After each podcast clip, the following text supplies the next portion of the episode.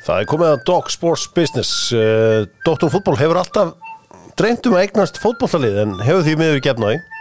En hins vegar ég að fá þá uh, Björn Berg og uh, Jóa Má, one of our own, til að ræða hvernig maður kaupir fótbollalið. Já, við erum kannski ekki alveg að fara að ræða hvernig við ætlum að kaupa fótbollalið en svona hvernig uh, struktúrin á þessu allu saman er og hvernig þetta virkar. Dr. Fútból að sjálfsögðu með Amerikan Style uh, orkun náttúrunar sem að leia þér uh, klæðslu hvað sem að er fyrir fjörbíli eða einbíli Lemon, stórvinir Dr. Fútból eða stórvinkonur Dr. Fútból uh, og Jói Úteri sem að sérur alla takkaskona fyrir jólin búningana og allan pakkan Jói Úteri Björn Berg og Jói Már hérna hjá mér strákar, þetta er uh, áhuga mál hjá mér verið lengi að kaupa fótbollalið Það hljómaði svolítið í intronið svo við þrý varum að fara að setjast niður og, og plana sko. Ég var bara að hóa spennt Ég hef með klúb sem við getum keft Já. Nei, við hefum ekki lengur þetta AGF Já, AGF Newcastle þeirra hérna Dana. Já. Rosalúr áhug og fyrir hvert einasta tímabil þá er bara, það er eitthvað rosalegt í vændum svo gerist ekki neitt sko og þeir eru endi svona sjöndarsæti en það er alltaf svakalega væntingar og uh, á margan háttaldið skemmtilegur klúpur sko kveikina þessu var þessi forbslisti Jóum Ár, uh, vorum að skoða hvað hverju verðmættustu félög í heimi. Einmitt. og uh, það er sígursælasta félag í heimi Real Madrid sem er það verðmættasta hvað gerir Real Madrid að verðmættasta félagsliði í heiminum? Ég myndi að halda að séu þessir opbúðslegu innviðir sem er að hafa. Þeirra var náttúrulega bara geggjaðan völl sem er núna búið að fjárfesta verulega mikið í. Svo eru náttúrulega bara tekjurnar sem eru með. Þeir eru með samkvæmt Forbes einhver 800 miljónir dollari í tekju. Eru tekju hæstu klúpurinn ásamt á Manchester City sem er svona kannski einhverju vilja deila um með þessar 115 ákjörur á bakinu og allt það. En eh, ég myndi segja það að það eru þá þessar, þetta er opbúrslega sterkar tekjumóti sem hafa, það er líka sem þú tekur þá inn í það akkur sem er þessar miklu tekjur? Það er þessi, þessi sko þessi byrting sem er að hafa út um allan heim. Þessi Real Madrid er stærsta liði eiginlega í Suður Ameríku og þú kemur og maður sér þess að Suður Amerísku leikmenn komin í Európu, dreymir alltaf um að fara til Barcelona Real Madrid, Já, já. það er þessi opbúrslega tenging sem er að hafa það út um allan, allan heim. Og já, það er bara eins og segi, þessi opbúrslega innviðir sem, sem Real Madrid hefur uh, þessi opbúrslega, þessi sterki tekjustopp sem þeir hafa. Og svo er líka náttúrulega mjög áhverð hvernig, hvernig þetta félag er í rauninni styrt á bæku tjöldin með þessu sósjós fyrirkomulagi útskýrðu sósjós fyrirkomulegi það er í rauninni bara semst, félagsmenn sem, sem í rauninni eiga uh, Real Madrid. Uh, við þekkjum þetta, þetta kallast Socios og ég held að séu nú sko cirka 100.000 talsins og fjölga dóltið alltaf á milli ára. Og þeir borga í rauninni 150 eurur gjald á hverju ári. Mm. og þeir kjósa síðan um í rauninni formannin Real Madrid. Og það er í rauninni allar stóra ákvarðanir fara í gegnum Socios sem er síðan í rauninni bara, þetta er bara sér búið kjörtímabil má segja. Ok. og núna er Florentino Pérez þar og til þess að vera formaður, stjórnarformaður Real Madrid og þá þarftu að vera pínu alvöru náingi, þú þarft að geta lagt fram í rauninni banka ábyrð sem er þá bara yfirleitt þannig að vera með 500 miljónir evra á bakvið þig. Ok. sem bara svona halgjöran bara svona varasjóð ef, ef eitthvað fyrir vesen. Og við höfum séð þetta hérna gerast þegar hafa verið formaskipti, hvað heit hann aftur sem var á sem kom í millitíðin og milli Florentino Pérez? Þannig að vinur þinn Björn Berg. Uh, já, já, hérna uh, Don't let me hesitate on Julie hérna. um, Hvað heitir hann, okkar maður? hérna, El Hefe hann var þarna á Calderón, Calderón, Calderón.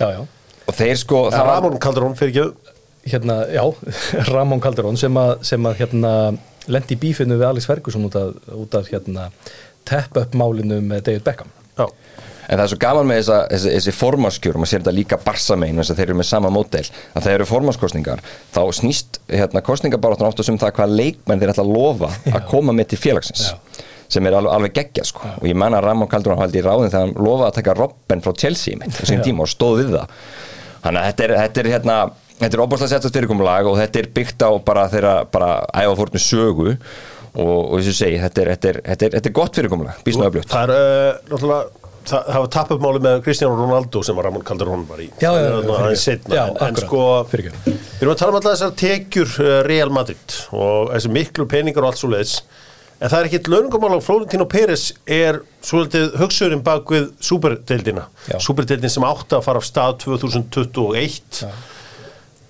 21 degi. Gæti verið. Jó, Hún átti alltaf að vera komin í fulla 21 gátt núna. Já.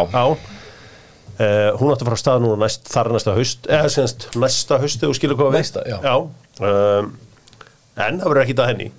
En af hverju fyrst að já, þetta lítur svona vel út á papirum af hverju vilja Real Madrid svona mikið fá evróska súberdöld því það ekki að líka sé á niðurleitt Það getur alveg verið en það sem að, það sem að sá fyrirværi sem að þarf að setja við sko verðmat eins og þetta er það. Að þegar verið er að verðmeta hjá Forbes þá er verið að byggja á svona tiltölulega vel raukstutum en svona hefðbundnum atriðum sem vel er hægt að raukstiðja að eigi að endur spekla verðmæti félagsins, hins vegar er það þannig að vegna þessa sósjós fyrirkomulags þá eru engin hlutabrif í Real Madrid Nei. sem þýðir að þetta er í einhverjum ímynduðum heimi að mögulega væri einhvern tímann hægt að kaupa hins vegar er það þannig að það sem er svo áhugavert svo gerir, sem gerir þessi, þessi spænsku lið algjörlega einstök er það að það er engin leið að græða á því að vinna þessar kostningar nema út af einhverjum hliðar áhrifum sem sagt,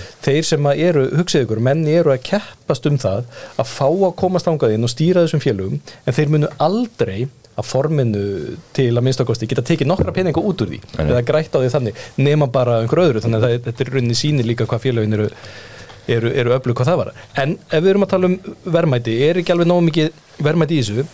Í rauninni hafa bæði þessi lið átta sig á því af, af slæmuri reynslu að það er stöðuleikin sem að svo mikið verðmæti er í.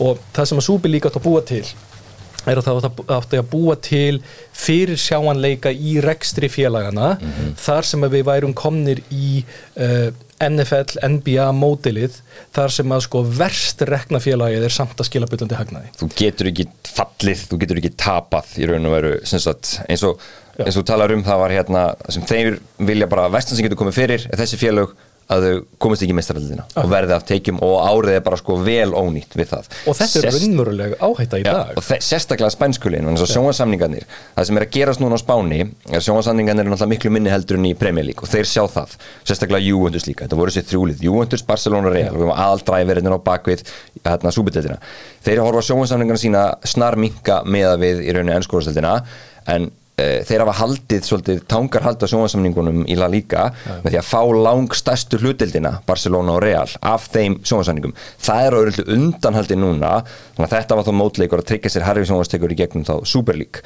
Um, hérna varandi með Florentino Pérez þá var hann alltaf bara í hálfu starfi hjá Real, heilt starfi þá var hann einhver stærsti fastegnamókull og er einhver stærsta fyrst, byggingafyrirtæki spánar. Sko, það sem, það sem ég ákvaða að googla bara áður en að við byrjuðum þetta hérna í dag að Real Madrid sold training ground. Já. bara einfalt Google og eitt og endur Þetta er eitthvað skemmtilegt að fletta Þetta er alltaf eitthvað og sko, þetta- ég held að þetta var kannski mið að maður var einhvern veginn svona að fara að ruggla eitthvað saman en, en það er alls konar skemmtilega flettur að það er alls konar land sem að dúkar oft í þeirra eigu sem að er selt í borgarinnar það, eða sem sagt, uh, konungslega liðið það má ekki vera gjaldbóta en eitt svo liðs það er náttúrulega bara bannað. Þetta eru þjóðhagslega mikilvægi en nöðsynlegir innviðir Já. á Spáni þannig að þeim verður bara bjargað ef eitthvað er. En, þa en það er einmitt það, það, það er fullkomlega skiljanleit að þeirra vilja súpilík þrátt fyrir þessa stöðu á forblistanum en ég tek undir það, það sem að náttúrulega tryggir þessa, þetta, þennan stað á, á forblistanum er er þessar óbúslegu möguleikar á tekju sköpun til framtíðar að velið halda á spilunum vegna brandsins af því að þetta er alveg óvinnjustert brandsins og það kannski líka bæði þessi lið Barca og Real við tökum þá svona í, í, í svona sama flokki þó vissulega sé Barcelona í miklu verið málum akkurat núna að þau eru bæði í þessu nýja breyta mótulinu með vellina sína. Já. þau eru bæði að breyta um velli bara En- og, til að græða meiri pening á sko, vellunum eina sem ég hef heyrt á síðustu svona 5-6 árum síðan að því að, ok, tökum þá bara Barcelona með inn í þetta. Já. þeir eru þriðja hérna verðmættasta liðið samkvæmt þessum lista. Sko að menn hafi ofmetið tekjur af öllum það er að segja að eftir að sjónvarssamlingarnir eruðu svona rosalegir að það taki hreinlega ekki að fara í allar þessar breytingar á völlunum. Eins og hérna, Borm og það að fara í gegnum þetta í smá tíma að pæli, þeir eru náttúrulega sem pingu litla velli sínum núna að tekjurnar af, af sjónvarpi séu svo svakalegar að mattsteyri ef við nú skipti ekki öllu máli. En við sjáum akkurat auðvitað að gerast í, uh, á Spáni þar er verið að fara all inn í vellina Já. og engin smá, engin smá mannvirki auðvitað inn að bá, þetta er náttúrulega klárt núna, alveg geggjað. Og svo auðvitað þessar breytingar á, á nú kamp. Ég held að bara fordæmin síni að þetta skiptir víst máli. Og það eru tvö mjög skýrdæmi sem eru uh, Arsenal. Í rauninni Emirates völlurinn svona fyrsti ef að segja þessarar kynnslóðarvöllur sem er byggður sem að skilar alveg óhemjum miklum tekjum og síðan kannski svona skýrast og flottast og best hefnaða nýlega dæmi sem er Tottenham völlurinn, nýjasti. Og reynsla beggja þessara liða er þannig að auðvitað eiga og vilja hinn liðin eldaða vegna og hverju vilja eldaða líka uh, þeir sem er að lána þeim. Þeir, þeir sem að þú, sit, þú situr fyrir fram og þú ert Barcelona þú ert með allt lóður rétt niður um þig. Þú ert með buksunar á hælunum þegar þú mætir á fundin með bankanum. Já, það að geta sínt fram á það að þú set búin að þetta sé komið af stað þú set, það sé öll leifi til staðar og þetta sé framtíðin. Hér eru tekjunar sem munum skilja sig úr þessu nýja velli byggt á einhverjum uh, tiltölulega haldgóðum rökum frá reynslu við annara aðila þetta hjálpar. Og þá er þetta alltaf með helviti gott veð líka móti. Sem, að loku, verður uh, tilbúið sko. Já, sko, já. þeir, þeir hafa verið með skemmtilegt og svona kreatíft bókald hérna Barcelona.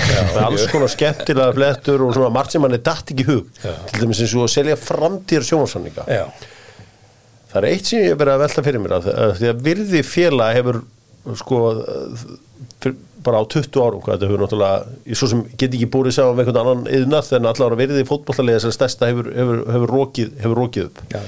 um, þegar þú færð einstakann talent í hendunar one in a generation eða hvernig það er eins og maður eins og Lionel Messi hefði ekki verið kannski í kringum 2010 verið skynsamt bæði fyrir Messi og Barcelona að semja þannig að Messi ætti í klubnum að Messi hefði fengið bara herðu eða er ég orðin full frumlegur hér í, í hérna að sko bara Messi hefði verið einn af eigandum Barcelona?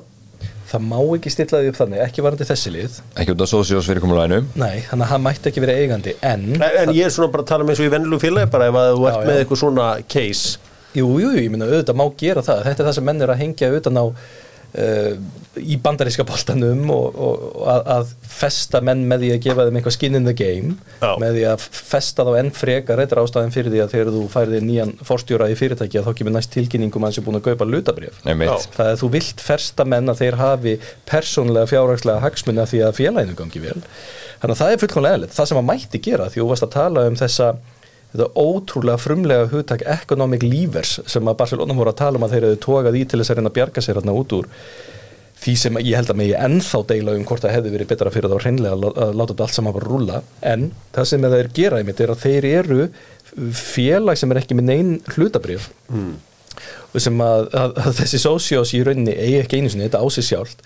En það sem þeir ákveði að gera er að þeir ákveði að selja 49,9% af tekjum framtíðar sem byggja á brandi Barcelona það er að segja markasetningu ef að Barcelona leikmennir í einhverjum ömulegum GSM leika, þá, mobile leika þá, er, þá eru peningarnir að hálfu að fara til einhvers fjárfyrstingafélags og 15% einmitt að, að sjónvastekjunum auðvitað verið, hefði verið hægt að gera einhvern svona díl sem er í rauninni ekkert svo svakalega frábröðin dílnu sem að Messi síðan gerði í Miami. Nei, nei, nei, nei, það er líka þessi, þessi hérna, economics lever sem hann talaði um hann hérna Laporta sem hann alltaf bara reyns upp svolítið skítin eftir hann Bartemá sem var forverans í starfi sem náttúrulega sko skuldsetti félagið alveg gríðarlega á mjög stuttum tíma og eitti náttúrulega hvert, hver önnur hræðilegu leikmannaköpun og fætur önnur sem hann gerir líka.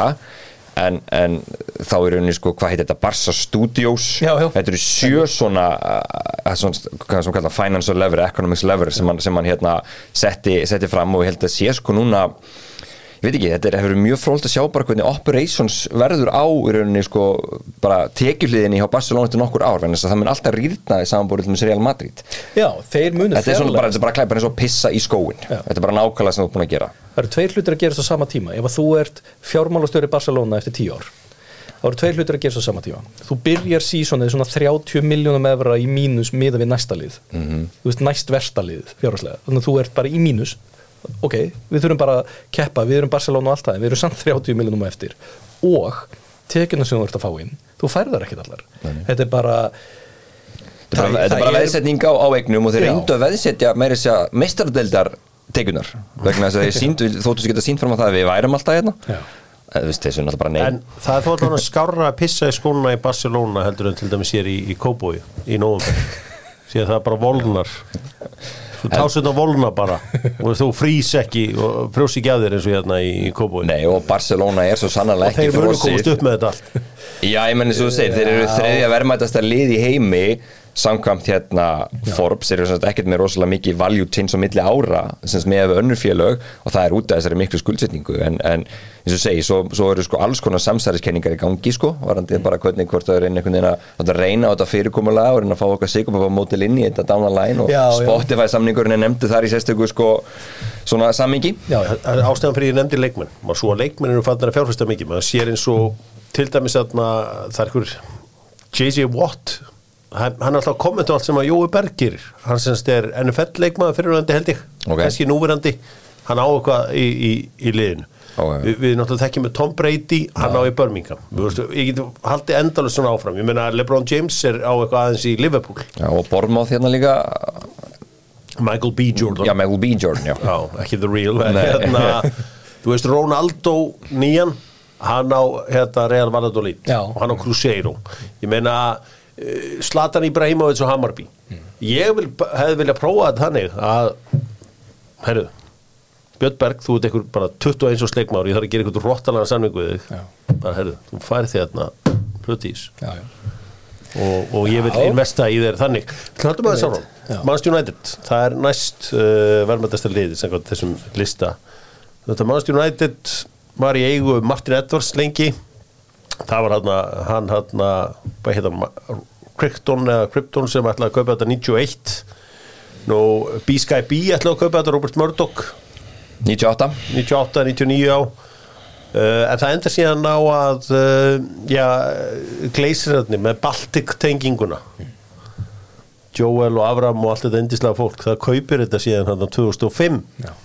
þeir byrja að sapna sér hlutum aðeins fyrr og þetta er svona smá þrautaganga hjá þeim. Þannig að verið fyrst með hérna 2003 15% svo í mæ 2005 voru komið í 57% ná svo fara í 75% hlutin og þá náður að taka þetta svo kallar squeeze out og afskrá félagið úr kaupullinni í, í London og tryggja sér að lókum held í 98% og þá getur bara að ná öllu og þá eru er þeir bara voru þeir orðnir eigendunir og svo kallar þetta náttúrulega leverage takeover Já, já.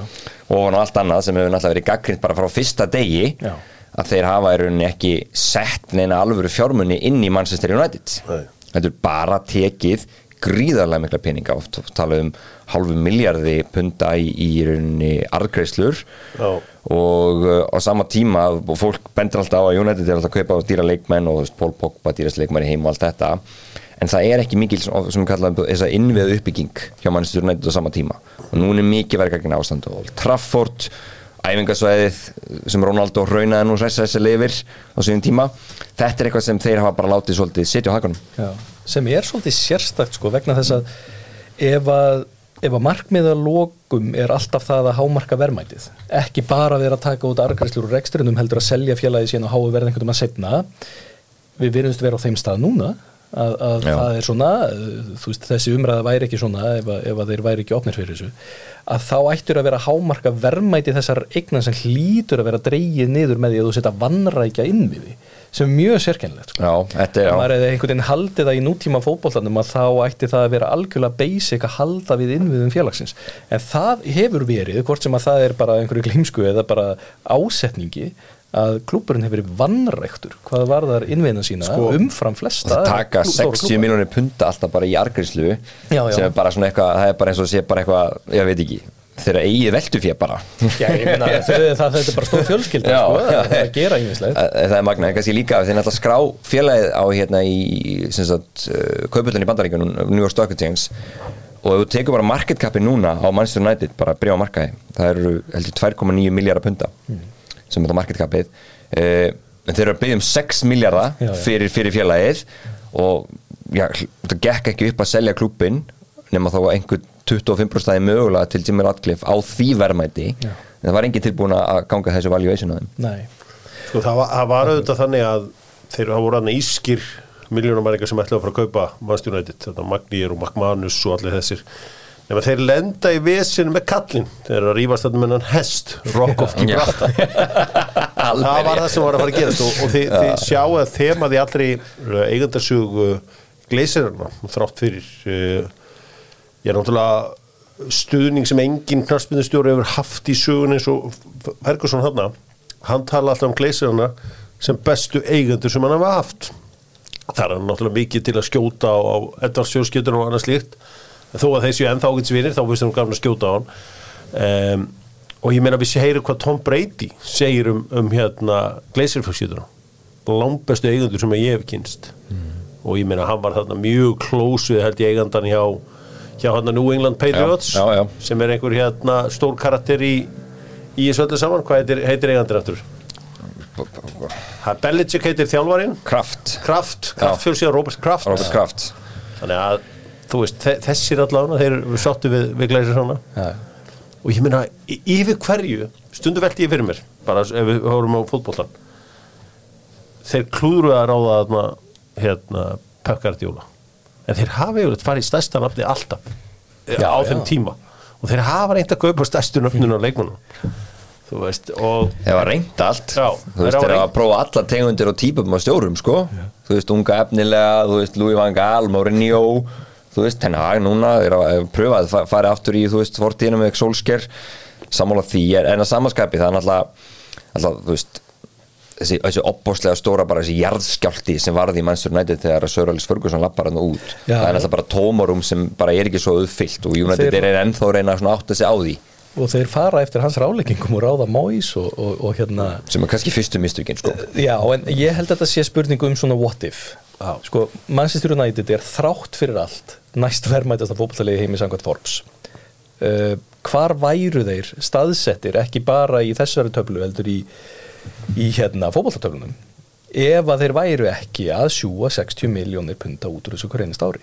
Ég held að það sé svona ultimate hvernig væri völlurinn ef einhver annar ætti þetta? Hvernig væri fjárhæðu félagsins og árangurinn inn á vellinum og allt það ef ekki væri verið að taka peninga út? Þeir eru rosalega Manchester United eins og hafa verið reynda gleysirarnir og þetta, er rosalega góð spurning en á samaskapi líka verður maður bara að standa upp og klappa fyrir Já, þessu já, kaup. já, já. Þetta er eitthvað sko, þetta er eitthvað besta piece of business sem ég hef Já, séð. já.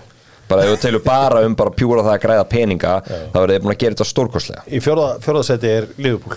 Uh, mínir menn hjá Liverpool voru alltaf Gillett og Þeir- en sko þeir með eiga eitt. Burtsi frá öllu bullunum sem var á þeim. Þeir komu hugmyndað nýjum Anfield eða nýri stúku á Anfield hafið séð hana Eftir að tala um hérna Stan, Stanley Park Já, já, Stanley Park, nýjum, tekur já, það. eða hvort það var endurbyggingar á uh, Anfield Já. þar sem að hugmyndið er átt að vera sko af þessum kopp uh, í, í Suður Afríku eða hvernig sem átt að vera sem átt að vera, þetta átt að vera svo miklu brattara Já. en við höfum áður séð í ennskum fótbolta Já. og þetta var ótrúlega hérna, spennandi tekningar sem þeir buðu þarna upp á sem síðan þetta varði ekki dúr og þeir fóru í endurbyggingu á, á Anfield eða reyndar núverandi eigandahópur hvernig hefur þetta verið með Liverpool? Þetta hefur auðvitað það eru auðvitað þessir eh, Boston Red Sox eigandur sem að hafa heldur betur látið þetta blómstra. Heldur með þeir náttúrulega kaupa klubbin eða bara með lígilegum hætti.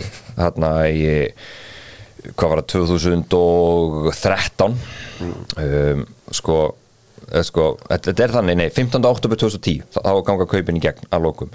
Þá var náttúrulega sko var Royal Bank of Scotland sem fjármögnuðin í kaupin á Liverpool, eitthvað 215 að 30 miljón pundar lán sem er lánuði Gillett og á sínum tíma þá var það bara við það dífólta og þeir voru bara að byrja að banka þessi Royal Bank of Scotland.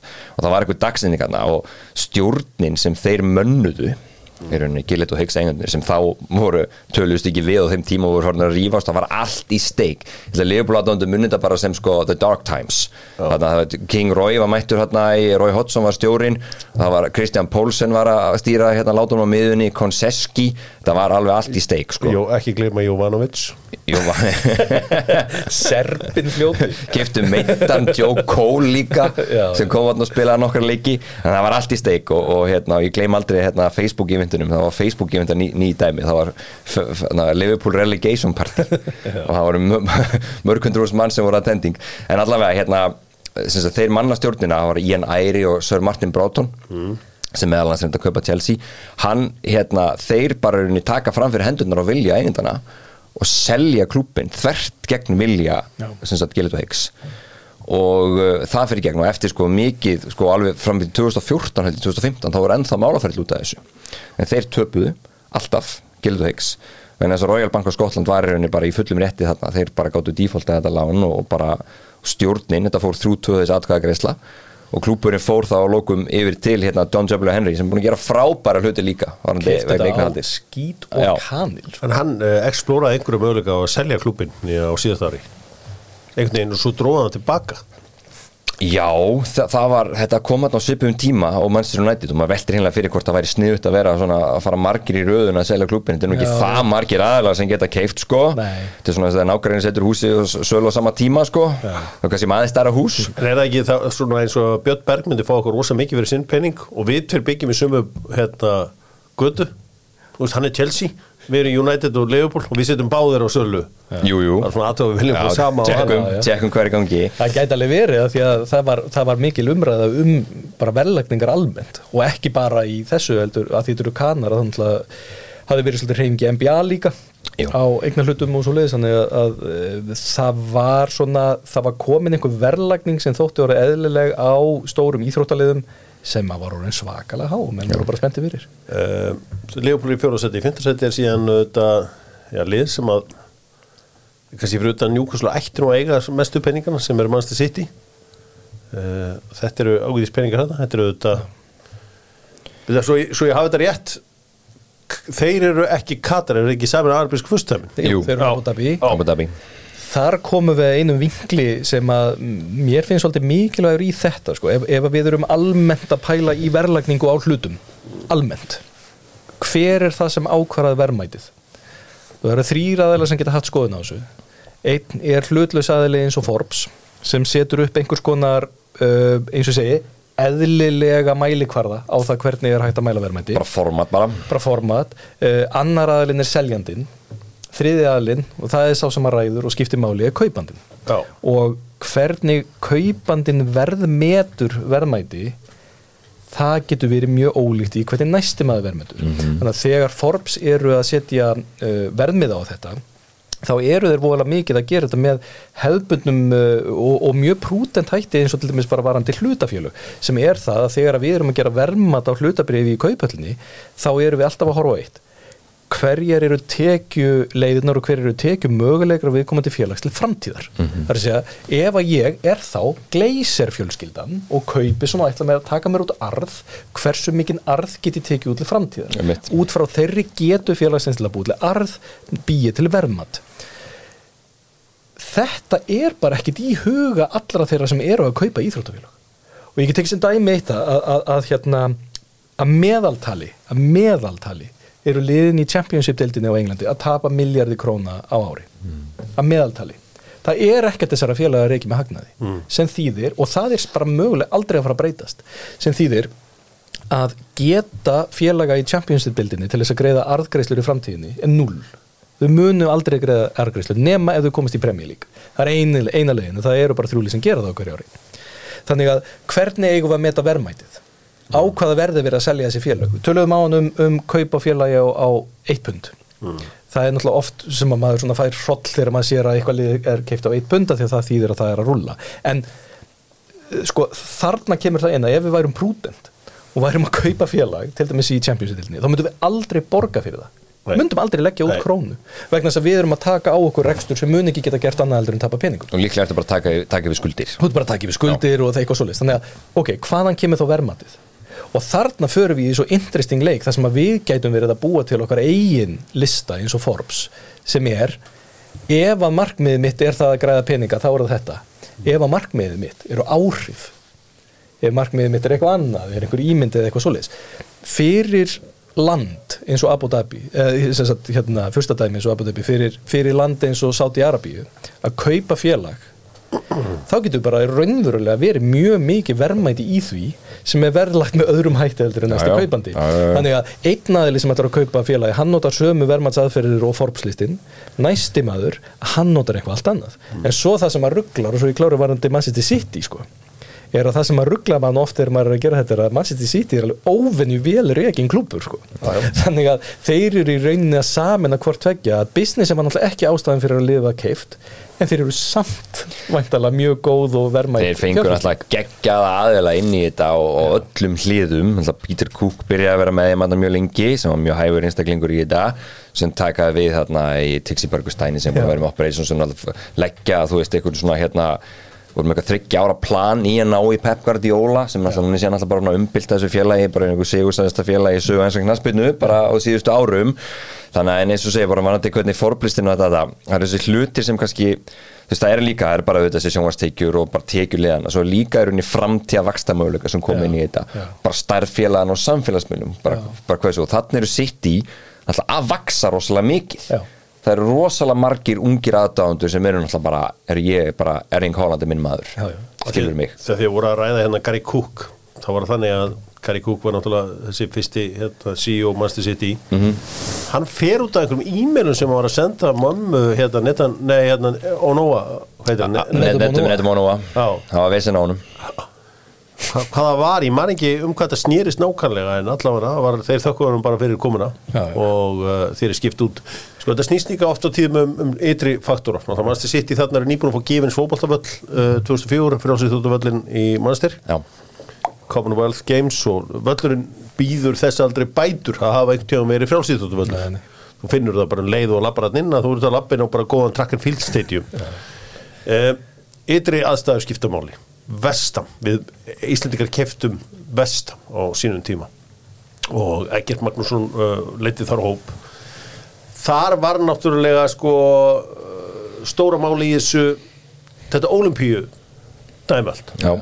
þeir viss alveg að þeir var að fá völl í hendunar sem er alltaf bara stóra auka virði félagsins og við Já. tölum aftur um í rauninni en efnahagslegu hliðin á henni, efnahagurinn hversu miklar eignir eru inni í klubnum og þetta var um þetta, eins og þau töluðu strax um að það var í rauninni greiðlega mikið að stækka völlin og bara allt frá fyrsta degi og þeir gengu þetta inn. En það var náttúrulega líka gekk náttúrulega ymsu mér skaman að reyfi þetta upp að það var hérna Kia Tjörokkubiðjan hérna, þessi super agent, hann var að reyna að kaupa klubbina fjárfyrstu hópur með honum. Hann er unnu hann, Bjöggi og Kó. Og svo náttúrulega var þetta hérna, berin urðu fljótlega súr mm. milli Eggers og Bjögga. Og Bjögga var svona bara Bjöggi ítti Eggert út það var gerð hérna kvikmynd sem heitir Æsland FC einhver amerikanum frá Cleveland sem er aldrei hýrt á þau. hans Þannig að þetta er miklu öðuldra fyrir mig heldur en marga aðra. það er, það er svolítið áhvert að horfa, kíkja á þetta fyrir þá sem vilja horfa á þetta, það er Æsland FC á YouTube bara, Egert Magnússon. Og það er skemmtilegt viðtalveg, þar sem hann fer aðeins í, í þessu hluti. Um, Stoke City var sömulegðis keft af Íslandingum á sínum tíma uh, stór hópur í gegnum Köpþing uh, það sem er auðvitað áhugavert við það er að þar er liðið í sédeild en klúburinn nýbúin að taka við þessu nýja glæsilega fótbolltavelli Britannia Stadium. sem er þetta efst upp á hæð frekar opinn fyrir vindi og svona. Uh, og uh, áhugaverður völlur. Þar sem að, þú veist, ef að úslítur á vellinum eru skoðuð þá gekk vel hjá Vísindíkun Mjög Guðjón vel. Þórðarsson er auðvitað ég held að hann hafi svo, kannski átt hugmyndina til að byrja með allavega. Uh, og hann vinnur meðal annars Auto Windscreen byggarinn, slum heyri Guðja þegar að hann tekur við tillinum og, og tala við blaðamann And lifts it to the delight of the Stoke City fans. And fittingly a picture of Sir Stanley Matthews in the background there as he lifted it. I mean, the fans, they're just superb. I mean, come on, who can ask for more? I'm very proud of my fans. They've also earned it. They stood behind us all, all the time. And, and when we first spoke about Wembley, they were hungry for Wembley as well. So I hope they have enjoyed it as well. Cannot be possible. Enjoy the celebrations. You're welcome. Það er einhverju að fagna á Wembley. Þetta er skemmtileg saga, er alltaf, þetta er 8 miljónir punta sem, sem, sem klúburinn er kiftur á og, og settar einhverjar 300 miljónir íslenskari viðbútt á láni. Uh, hérna er hann uh, Magnús Kristinsson eitt stærsti hlutaðan í þessu sem var svona þú veist á enga fjárfæstir annars voru þetta kaup þing og þeir. Gunnar Gíslason. Já, og já, þeir voru, hann var reyni stjórnum fyrir marg Gunnar Þó Gíslason sem er tengdu matafjölskyldinu núna. En það var hérna áhvertu við þetta Gary Megson er, er stjóri stók þegar þeir taka við og þeir, þeir reka hann og, og, og ráða gauja. Og það var í rauninni business modelið eitt af því var að fá unga og efnilega Íslendinga eh, sem sagt til félagsins og selja þá með hagnaði. Þetta var bara eitt bara, svona, bara value proposition fyrir þá sem voru fjárfæstar þessu. Og þegar félaginu var eða búið að selja hérna klubinn og það var haldinn á Grand Hotel fundur þar sem var, menn voru frekar súrir það var búið að selja fyrir mikið tap. Klubburinn er seldu fyrir 2 miljonir punta til hérna bet 375 kongsins Já. Og hérna svo að vísu komu 2 miljónir puntaði viðbútt að stóð komið upp í ennskóðarsleitina en þá voru rauninni fóran yfir það hvað klikkaði hann Gunnar Þór og sagði það bara berum orðum að þetta var eitt af því sem bara algjörlega eh, gekk ekki upp. Og þegar er reyðu Tony Poulis og þá sagði hann bara berum orðum þegar voru með beinleins með stjóra sem vildi ekki spila íslenskum leikmönnum Þetta sagði hann bara á, á slítafundunum sko, þegar voru að, hérna, ganga frá samningunum. Og svo var félaginu haldi í, hérna, lifandi í fimm ári viðbútt sem stók trade holding. Og til aðtók hvort þið myndu fá eitthvað fleira heimtur inn í þetta sem svo gerist já, en þeir taka þetta unga markmann og, og af hverju er hann ekki seldur áfram? Hvernig, Hvað klikkaði? hvað klikkar með þetta? Hvað klikkaði með Þeir, þeir fá hann að Hjörvar Hafleðason í Jaha. milli stangana Já, það var rosalega En það er ekkert um unga, þetta eru bara Stefán Þórðarsson og Arnar Gunnlaugs og, og Já, það er Guðjónsson Já, Bjarni er náttúrulega ungu Já, Bjarni, Bjarni kemur að dungur og hann er náttúrulega, þú veist, þeir taka náttúrulega Brynjar þannig að ungar, hann er 23 ára Já, er kiptur frá Östir eða eitthvað álíka? En það var eitt sem hefur ofur trú á vegna þess að í þessum loka samningi sem er gerður að þá fá þeir sem sagt, þá hérna Stoke Trade Holding íslenska félagið sem sagt, eh, mjög stóra hlutild í sölu á Hannesi Þótt Sigursinni Já, Þannig að þeir eru eiginlega mikla trú á því þeir tróðu því inn í, inn í samkomulægið sem að sem lókum gekk ekki neitt upp. Sko, stóru sölutnar þarna voru náttúrulega Pítur Þórn og Greiðan Kavara já og seldir á bæði- Carlisle á sama tímvili Nei, Cardiff Cardiff, Eh, já, já. og það er Sam Hamann sem kaupir á báða.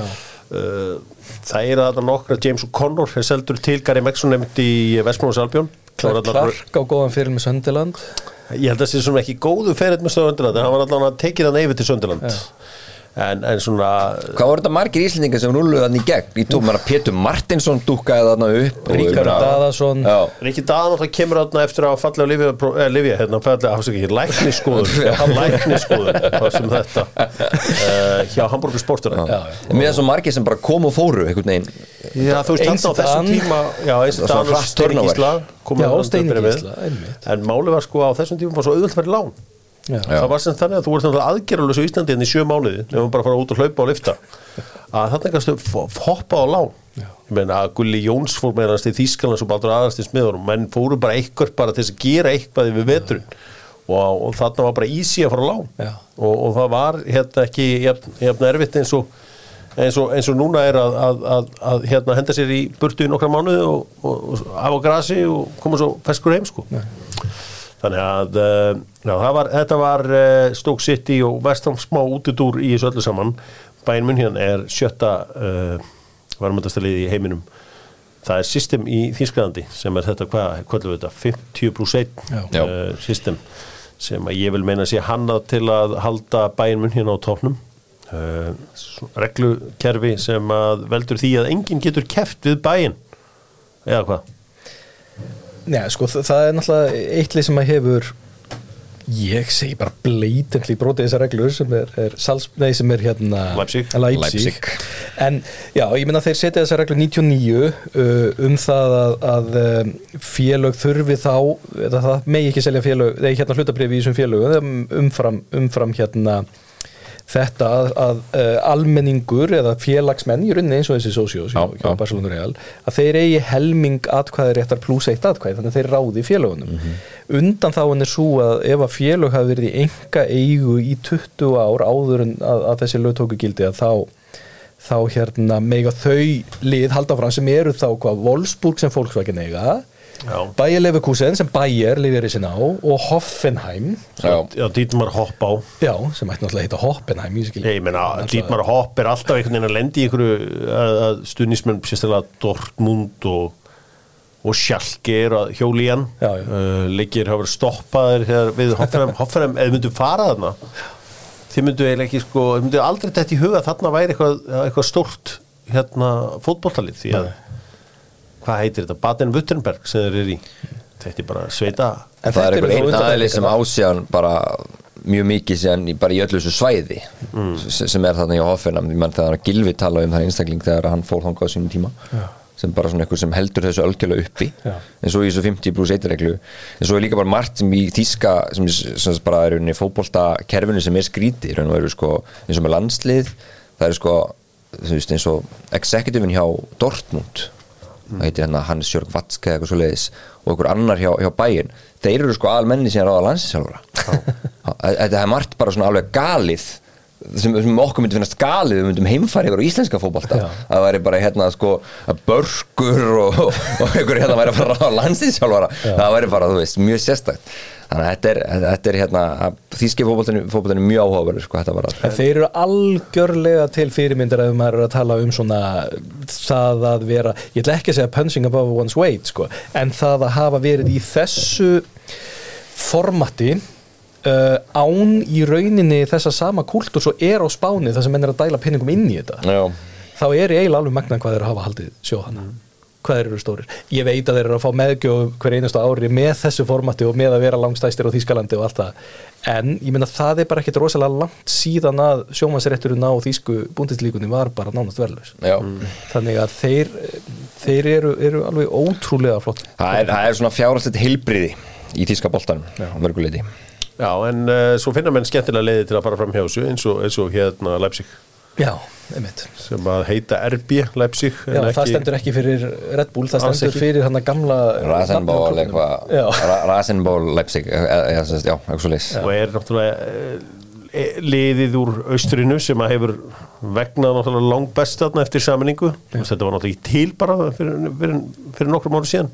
Ég held að þetta þegar að búndislingan byrjaði hvort að sko Hansa voru nokkur lengi vel þarna uppi. Já, já, Hansa Rostock og hvort að Dynamo Dresden svona alveg í byrjun. Já, já. en Dynamo Dresden var reysið á þessum tíma. En samt bara til að koma líka að með þýska boltanum að, að út af þessu fyrirkomulegi líka einhver leiti þá sjáum við mjög stór lið lend oft í mikill í klemmu og bara í krísu við eins og sjálke geggja völl, tölum við svona innvið og annars líkt, Hamburger sportverinn Já, ég meina, flottstu klubbutin er alltaf í tveiti búndislíka Bremen er nöppur Já. og svo, Kæsisláttin er í þríti búndislíka Þetta er, þetta er, það er eitthvað þessu kerfi sem er rótið því að þessi stóru klubbar er ekkert að vera að nöppi Svo. Augsburg, sem er flottur völlur og allt það. Augsburg, það er litla tilfinningar til Augsburg Já, já. Þeir eru að taka tíunda sísona í röð núna í hérna búndislíkun og alltaf bara þægilir og enginn þekkir leikmann í Augsburg nema Alfred Fimboðsson en þetta er mjög stíft regluverk Já. sem við lifa eftir og þá er eftir, er, er erfitt að svona, prjóna þessu upp úr þessu nema bara með einhverju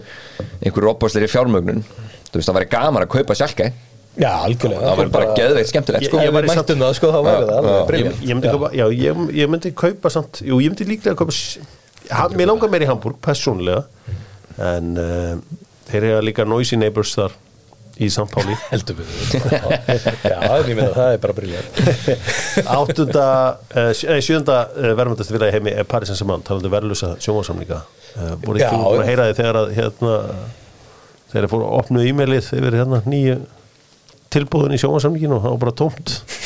Það fóru bara ít og refresh það lítur að vera eitthvað. Það lítur að vera eitthvað, nei, það bauð enginn í þetta Nei. En þarna komum við að, einmitt, svona, frá hvaða sjónarhóli ætlar þú að meta verðmæti? Og ef að þú ert Katar, ég er algjörlega klára því að það er engin í Katar sem að gengur um gólf og skellir hurðum og að í hvað anskotan voru að pæla með að vera að kaupa hennan klúb. nákvæmlega, ekki held 50 að- miljóra euro Já, og ég Þú veist það bara þetta? skiptir einhver máli hvað þeir eru búin að leggja inn í þetta. Ég meina það er bara alveg augljóst að þarna er verið að kaupa sér áhrif og ímynd og ódýrar auglýsingar. Það er verið að koma sér inn á Evrópumarka, það er verið að tengja sig við jákvæða ímynd með því að kaupa sér inn í fótbollan og þessi kaupa Paris Saint-Germain og með því að halda HM. Ég bara, bara skora á aðra að gera betur sko, í að kaupa sér áhrif heldur en Katarar hafa gert með það þessu. sem þeir hafa náttúrulega líka gert er að þeir hafa gert París þetta er e, e, þannig að það er annar ég áttum að það eru fleiri lið í París en það er svona eitt þekkt lið í París sem er París sem að þeir hafa líka búið til þetta sterka brand Já. ég, sko ég held að til heima hjá mig sér til svona 2 kíló af fötum mert París sem mann og það heldur engin með París sem mann á mínu heimili. Þetta er bara eitthvað cool. Þeir eru bara ótrúlega stælist tengjast þarna í Jordan logoinu mikið sko og hafa gert þetta eins og þú segir, eins og með Manchester City alveg ótrúlega vel. Já. það eina sem er þetta að setja út á það í þessu öllu saman þeir hafa ekki unnið Champions League. Það er Já, bara svona, já. er bara innan vellinum við tölum við það, þess að nú þeir hafa tjálta til náttúrulega alveg geðveikum fótbollaliðum sko. En þeir náðu kannski hápunkturum á hensvöndaramótun í Katar. Já. Þar sem að Paris Saint-Germain leikmenni mættus bara í loka leik og annar gerir þrennu og hinn gerir tvö og einhvern veginn og aðar stjarnan endaði með byggarinn og í skikkjunni og allan pakkan. Þetta var alltaf bara að skrifa handrið einhvern veginn. Þetta var svona einhver raðfullnæging uh, okkar manna í, í PSG Já, en þeir, sem segi, þeir eru svona bara svo sem ég líka sagt á, þessum lista sem við erum með þá eru þeir með langstæsta sem þetta operating result sem bara tap. Já. Á rekstrinum sem eru ykkur 200 miljónir uh, og 220 miljónir dollara. Sko Nasser Al-Khalefi uh, sem er þessi fórseti hérna PSG, hann var hann var 50 úr í gær. Hann er samt svona rödd skinnseminar finnst manni á, á vissan hátt í, í fótboltan hann hefur svona já, eins og varandi súbulík Já, já. uh, hann, hann hefur svona verið eh, svona að því að þegar þú ert kattari þá náttúrulega færið alltaf að setja einhverju sportvósing og allt svona þess að hann margt af því sem hann hefur sagt og gert í, í sinni stjórnatíð og, og svona veist, ég, ég skal viðurkenna það að ég reyndar var alltaf mjög mikill Agnelli maður. Mér finnst alltaf að Agnelli fjölskyldan bauð upp á þetta frá Juventus fannst mér alltaf að vera frábært koma í ljósa Já, það var aðeins búið að aðeins fallið á það Nei, munið ekki bara eftir þessu, það var allt sem kom á. Juventus, meikaði sens Já, þeir voru svona, gerðu þetta alltaf rosalega vel en ég sammálaði samt að, þú veist eins og með Superlíka voru þá þýskufélagin tvö sem, sem bara sögðu nei Já, já. og PSG, Já. tökum ekki hátt í þessu. Sammála því og hann er, hann er mjög umsveð mikill að vist þannig að gerist ekkert þarna á þessu svæði nema að fara svolítið í gegnum hann hvað var að fótbolta. Hann er alltaf fyrstur að vita allt. Svo líka hann er grjótharður eins og kilja með pappimáli alveg grjótharður sko. Já, já, ég meina t- dæmi um það sem að ég hef hrifist á honum uh, þegar sem að segja, annarkvæmt seljum við þig eða þú spilar ekki Já, og stóðu við þau bara að rotna hérna ef þú- hérna þau potstæði við það. Já, hann, og hann stóð við það. Sko, Persen sem hann hefur hins vegar ekki verið í þessum leik sem Manchester City hefur verið í að kaupa mikið uh, svona stór profíl félag því að Manchester City á til dæmis líka ég meina efsta liðið á Spáni í dag uh, Girona. Já, þú veist, þeir eiga lið í MLS-tildinni eða Melbourne, New York og bara út um allan heim. Já, og meiri sem væri búin að kaupa lið á Íslandi ef það mætti. Eða mætti já, já. það er alveg pottitt þeir eru bara með þetta sitt í hérna grúp uh, það plan, þetta alþjóðlega dæmi er mjög, virkar mjög skinsamlegt þetta er alveg það, það er alveg þannig að við þurfum að gera greina mun á sko annars vegar upphaflegum uh, og í rauninni ultimate uh, markmiðum með kaupum og íþróttaliðum og hins vegar rekstrinum í middeltíðinni Já. og það er það sem að mann setja sitt í er að gera betur heldur en eiginlega nokkur annar. Þeir eru að reka þetta alveg óhemju vel og þeir eru að nýta struktúrun á fótbollanum í einstöku löndum. Það er engin tilviljun að, að það er verið að kaupa í sömu sko það, það er ekki tilviljun að við erum að tala einmitt um Ástralíu, Bandaríkin, við erum að tala stundum um Danmörku þó að sýti sér ekki þar. Við erum að tala um löndin þar sem að þú getur keiftir félög Já. á tiltölulega litla peninga með góða fótbolllega innvið þar sem getur verið með unga stráka og nota þetta svona sem útungunar stöðu, getur ekki haft alla í mannsistir og þar sem að þar sem að hérna, þú hefur eins og hefa verið tengslunóttum millir Danmörkur og Hollands og, og Breitlands og soliðis upp á spila sama systemi, í rauninni reka þetta eins og sama móðufélagið Já. þetta meikar sens, þetta hefur verið að, að ganga vel hjá sem félögum þannig að þetta er bara heimurinn sem við búum við að þetta er hægt. Sko, ég fekk Ferran Soriano til mín og hann var hrigalega næs komið að spjalla þessu við mig og ég, ég spurði hann hérna þú veist, það er, það er margt í gangi auðvitað, þessi ákjær voru ekki komin út þá og ég bara svona ég spurði það samt svona, er eitthvað svona vilt að ég hérna svipur í þess sestalum spurði mig um hvernig lið, spurði mig hérna, mikið um hvernig lið ég sagði ok. Ég síðan eh, teldi ég að tekið eina spurningu um hvernig lið hjá mannst sitt í á hann en það var svona það sem hann vildi koma til Íslands og, og ræða. Uh, hann vildi ekki, þú veist, fara að ræða já, til dæmis uh, sponsorship samninga við Etihad Sjálfsög ekki, sjálf- sjálfsög ekki. En þetta eru bara svo fólki Ég held að svo sem flesti viti það En Ferran Soriano og, og, og, og Tixi Bergur Stein þú veist, Þeir eru menninir á bakveitt besta fótbollið sem við sé líka í Barcelona. Já, já, já. Sk- Skilur mig, þannig að þetta eru tveir gæjar sem hafa smíðað bara tvö bestu liðum 50, síðustu 50 ára eða eitthvað. Já, já. Þú veist, þetta Barca og City lið. Heldur Þannig að að þessi þeir menn vita hvað er að gera sko. þeir þurfa aldrei að kaupa sinna einn drikk held í framar. Nei, nei, nei, nei. Hérna og hann skildar David Beckham því að þú veist Barcelona voru í sjötta sæti árið áður.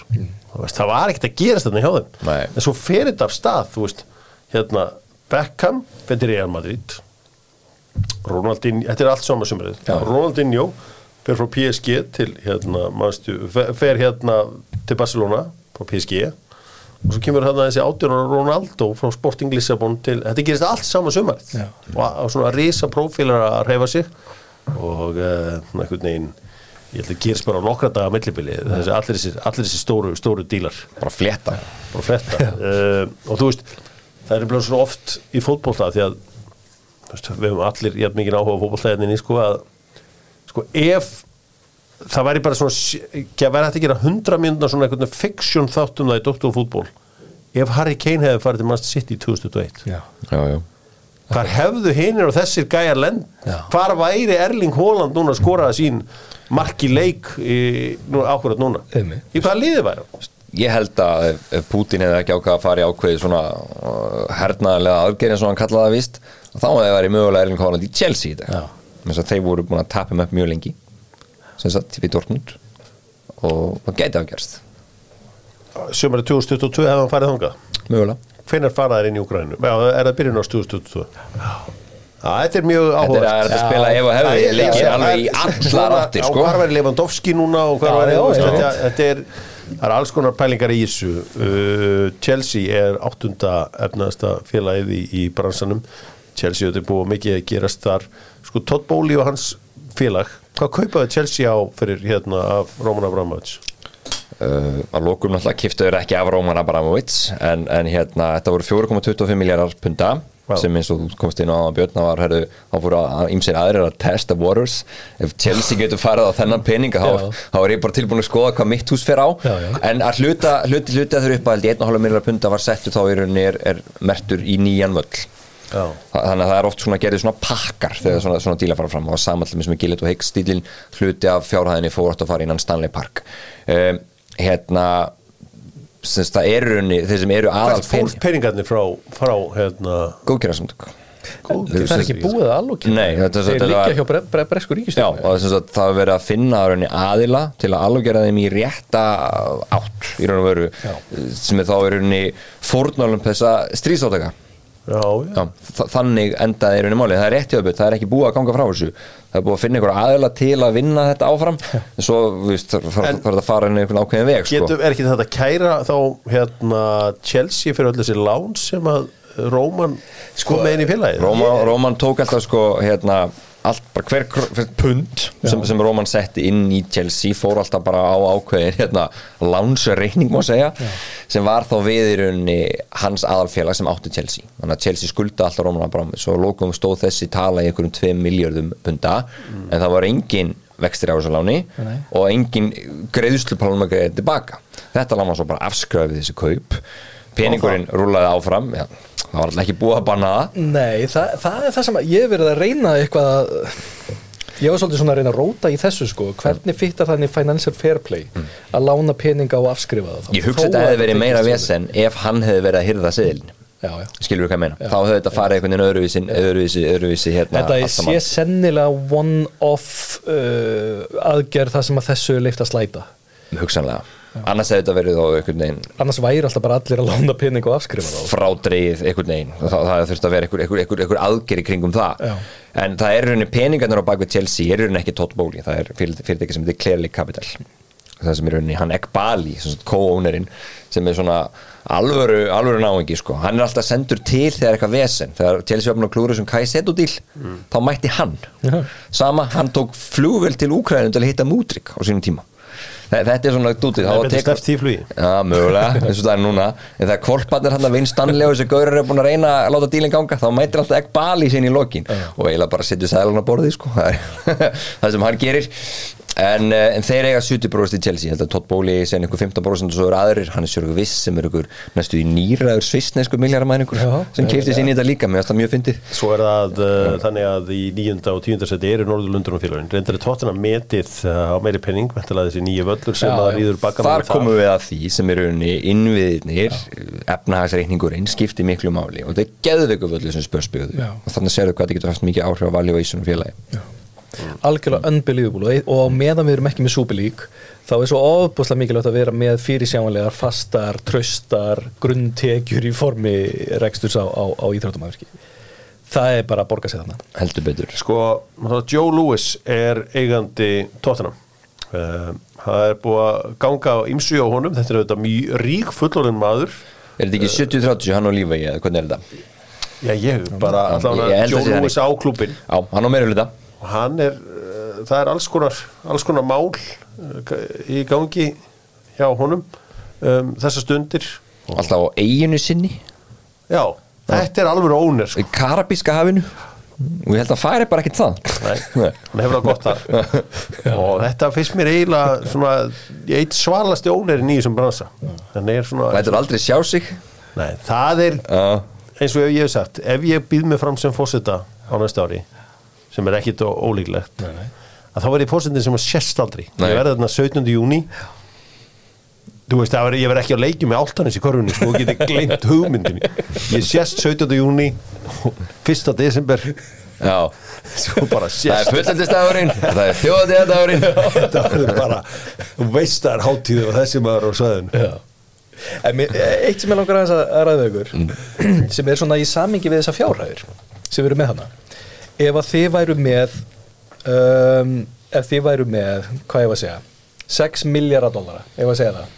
Já, það er góð uppæð við myndum ná að nurla því saman einhvern veginn. Þetta eru þú veist, já já, þetta eru ágætis peningar það er að gera ímislegt fyrir þetta. En við ætlum að fara með þetta inn í íþróttir þá finnst mér eiginlega uh, verðlagningin á Manchester United vera einhver mesta trösts yfirlýsingu ennsku úrvalstildina sem ég hef séð. Vegna þess að hvað getur þið fengið fyrir 6 miljardar fyrir utan þetta þú getur keift New York Knicks fyrir þetta Já. þú getur keift NBA-lið NBA-lið geta ekki tapað peningum struktúrin á reksturinu hjá þeim er þannig Já. að bara ef að tekjunar minka þá var bara leikmyndin minna að borga sko. það, það Já. er bara ekkert hægt að tapa peningum á þessu Nei.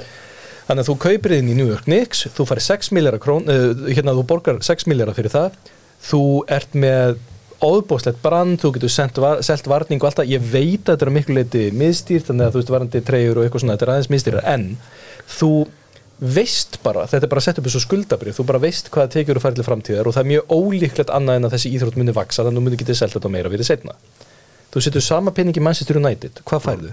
Þú færð ónýta innviði þú færð fullkomna óvissu um það hvort að þú munir, eh, hverjar tekjuna þínar verða ekki bara næsta ári, heldur bara þessu ári Þú getur bara, þú það. fallið þú getur stæk fallið sko. þú, það getur verið að þú komist ekki í meistaradildina uh, það eru uh, mjög mikla líkur þrátt fyrir það að ef að menn væru kannski að að nú er verið að tala hérna niður eitthvað miðjum á sko. ef að menn næðu að koma sér í þá varanlegu stöðu að geta tryggt að vera í miðjumóði í Premier League þá er það einhver besti business sem ég get hugsað mér. Menn bara vil ekki vera þar vegna þess að hræsla með að falla eða gullrótin sem er að komast í Európa-keppni svo mikil að menn fara að kosta miklu til þess. Og þá er þetta þannig að peningarnir sem þú tapar er orðin svo mikil þú ert farin að henda hérna 30 miljónum pund út úr glugga vegna þess að þú varst að, í einhverju þjálfararúlettu þú kaupir hérna 50 miljónum punda mann sem þú þarft að afskrifa því að meiðist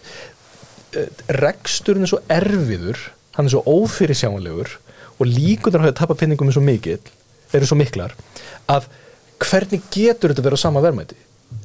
Málið er bara það að fótboltinn og sérstaklega Premier League eru bara búin að staðsetja sig þannig að vöxturinn er svo hraður og er svo mikill og er svo worldwide umfram meira sig að er að það réttlætir þetta var að meira sig að Forbes kemst að þessu. Já, það var tekið fram í Forbes að bara sko, það er ekki að því að tekjurnar er að auka svo mikið á þessum liðum að valja á Íslandin sé að hækka svona á þessum, á þessum hérna klubum, eða verðmætin.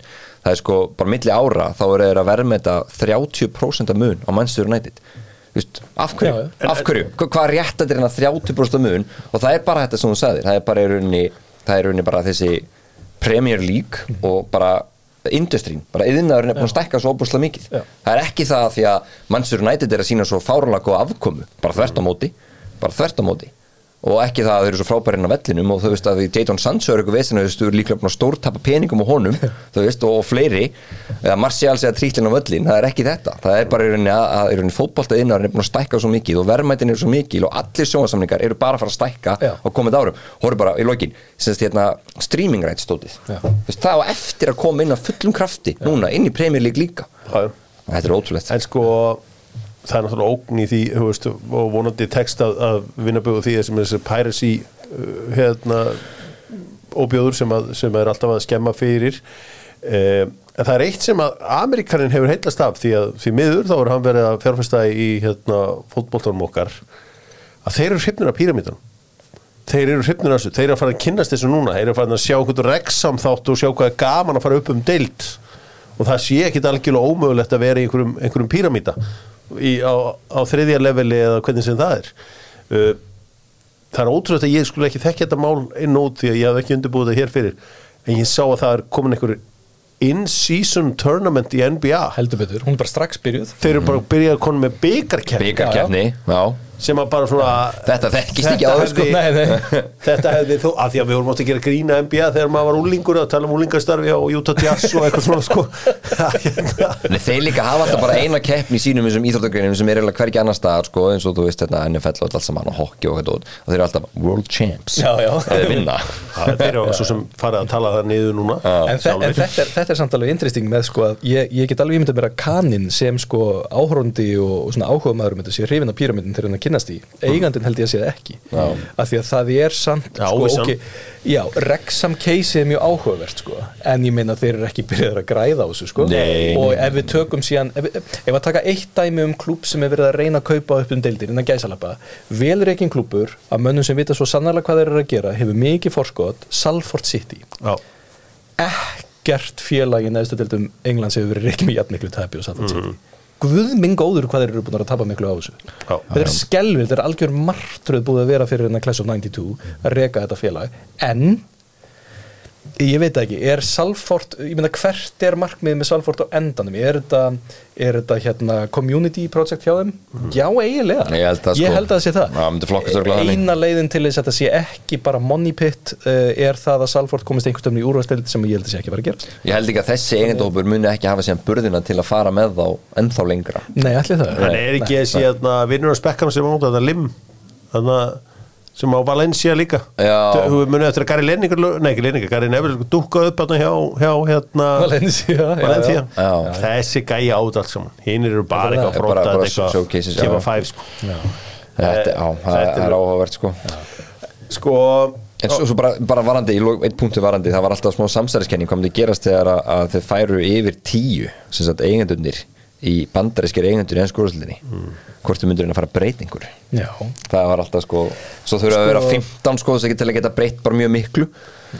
Við skulum, við skulum ekki við þá skulum getur bara breytt láta- regluverkinu sko. Já, sko, það er, það er tvent sem hefur gæst á undanfjöndum árum sem að mér finnst hafa verið afskrifað og frætt og það er annars vegar vilji manna til þess að stopna súbelík og hins vegar að verða vilji manna til þess að búi til þetta Project Big Picture muniði Project Big Picture gekk út á uh, varanlega uh, bótagreðslu frá Premier League niður Já, í deildinar fyrir já, já, neðan sem að hefði margfalda peningan sem deildinar fyrir neðan fengju á hverju einasta ári til þess að tryggja stöðuleika þar.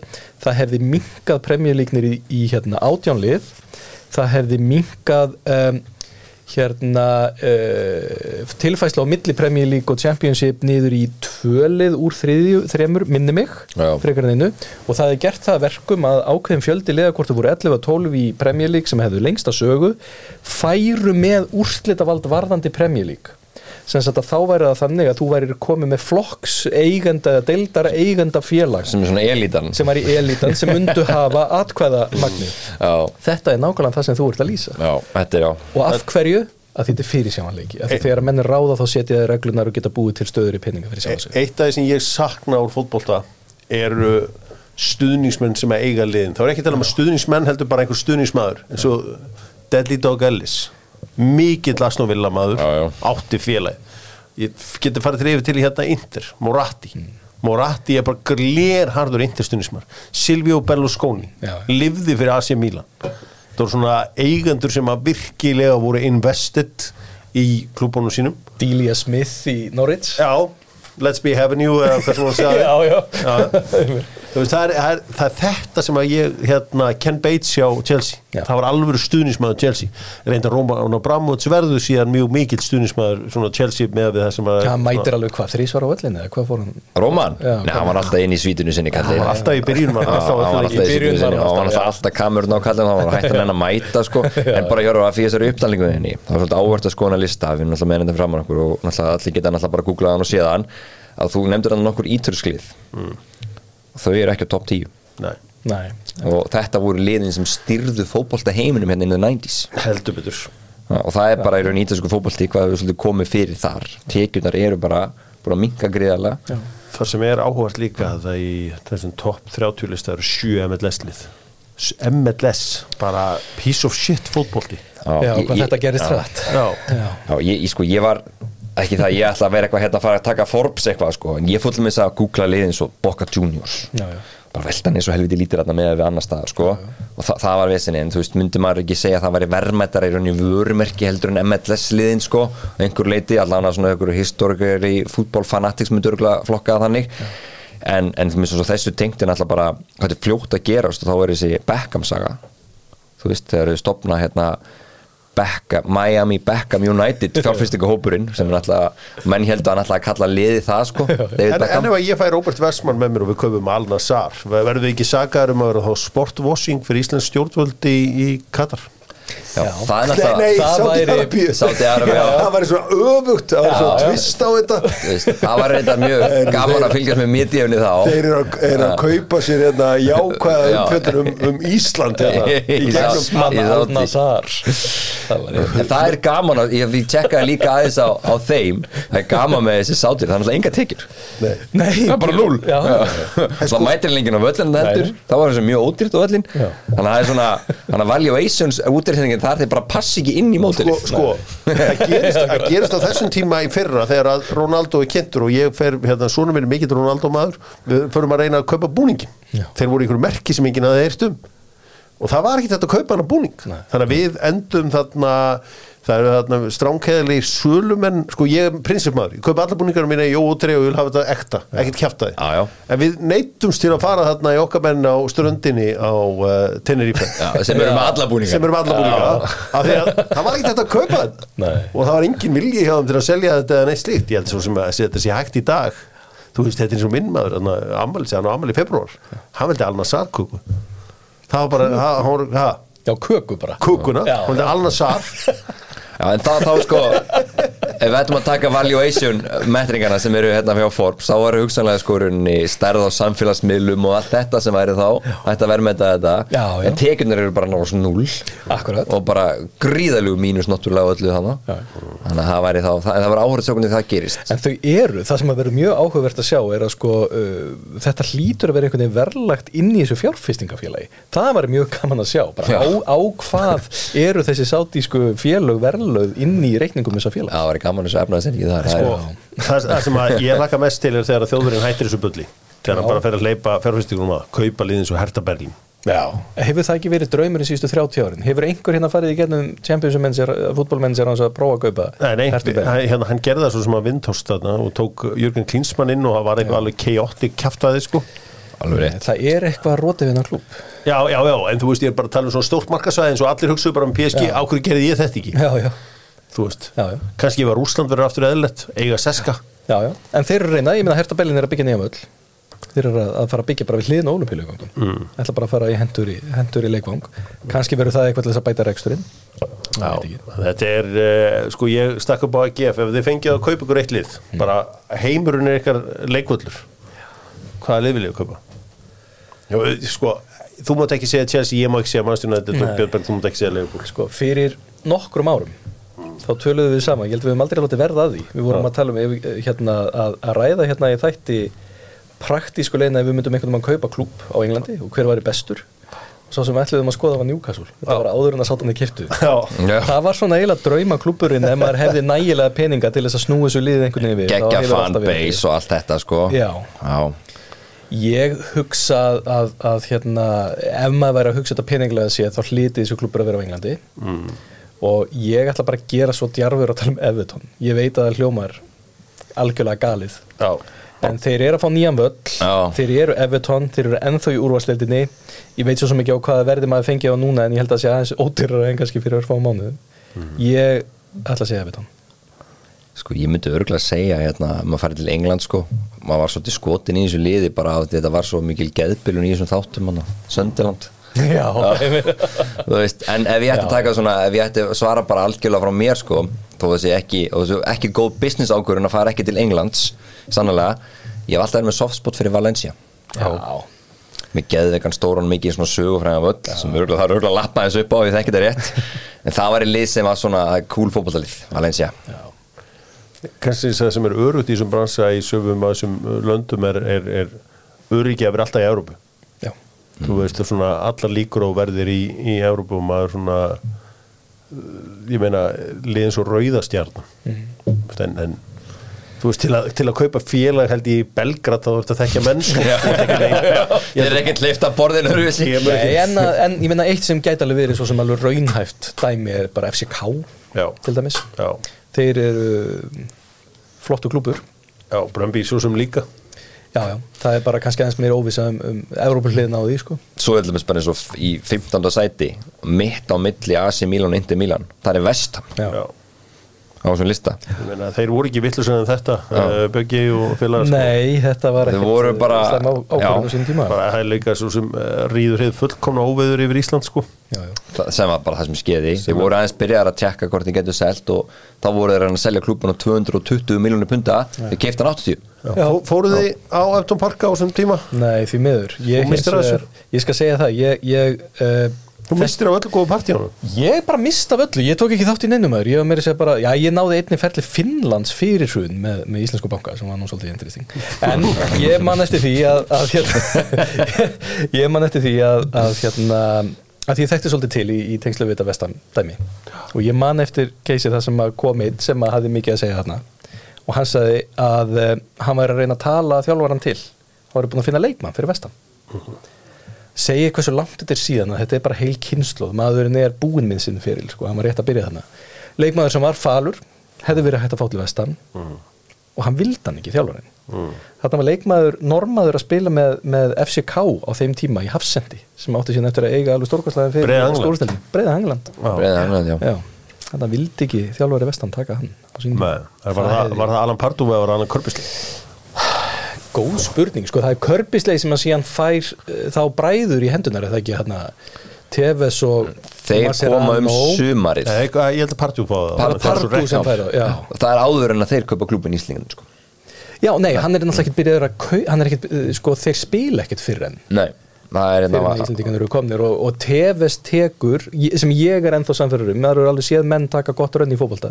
Ég hef aldrei á ævi minni séð betri framistöðu hjá einu manni en endurinn á þessu sísoni hjá Carlos Tevez þar sem að hann sko. einn hann einn heldur um í deildinni Já, já. ég hef aldrei séð aðra eins framistöðu bara á lokum á Old Trafford líka bara það sem hann held þeim á lokum uppi og svo bara keiftur yfir keifti yfir Já. Já, ég held að hann hefur svo lánaður Það var lá- var lánaður, sko. Kía átti bara mannin Já, sko. Já, það var þannig og svo var þetta alltaf lókum dæmt náttúrulega ólögulegt Já, já.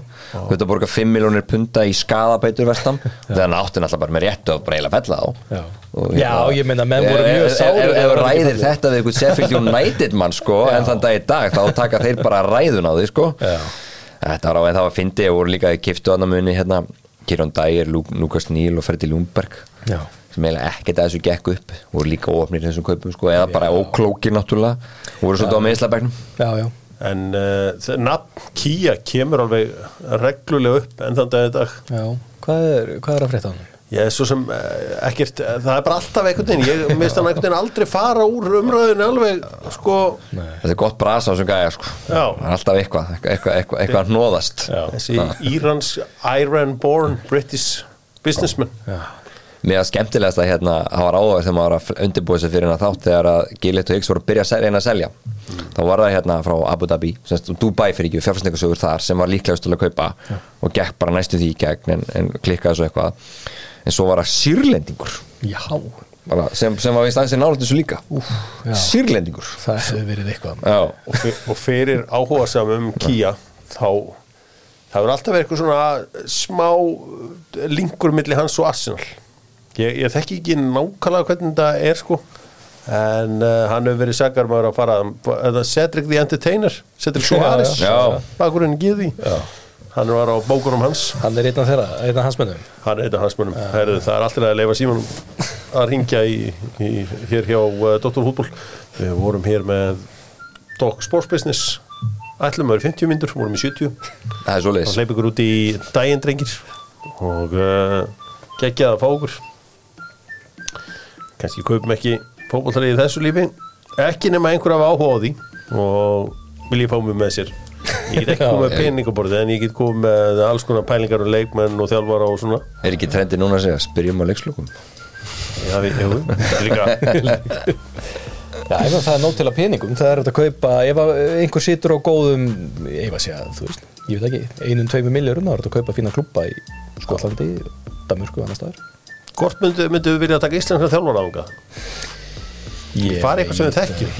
Já, já, en ég meina að það sem að kemur oft er það, eru bara í rauninni tengslinn sko, ef þú ert að fara eitthvað inn ódýrt að þá ert ekki kannski að fara að kaupa menn en þú ert að fara að taka einhverja með þér, ókipis Ég held þú þurfa að fara að gera þetta eins og dútarnir sem eru að gera þetta best sem eru þó við tölum um mannsi sitt í finna bara hæfustu aðeilana til að reka þetta. Já, og láta þá taka ákværinni fyrir þig. Ég held það ég passir á peningana eina það er erfitt með því hjóra minn, ég held að þú myndi vilja hafa skonunar á Já, já, ég myndi, já, ég myndi alltaf að úslita atkvæði á alla leikmenn og alla þjálfara og allt svo leiðs en ég myndi ekki reyna að gera þetta eins og Brentford og Brighton. Góðu hlutinni gerast á miðunni ég er því að í miðumóði nokkur ár áður en ég fer að láta til skara skvíða Dóttu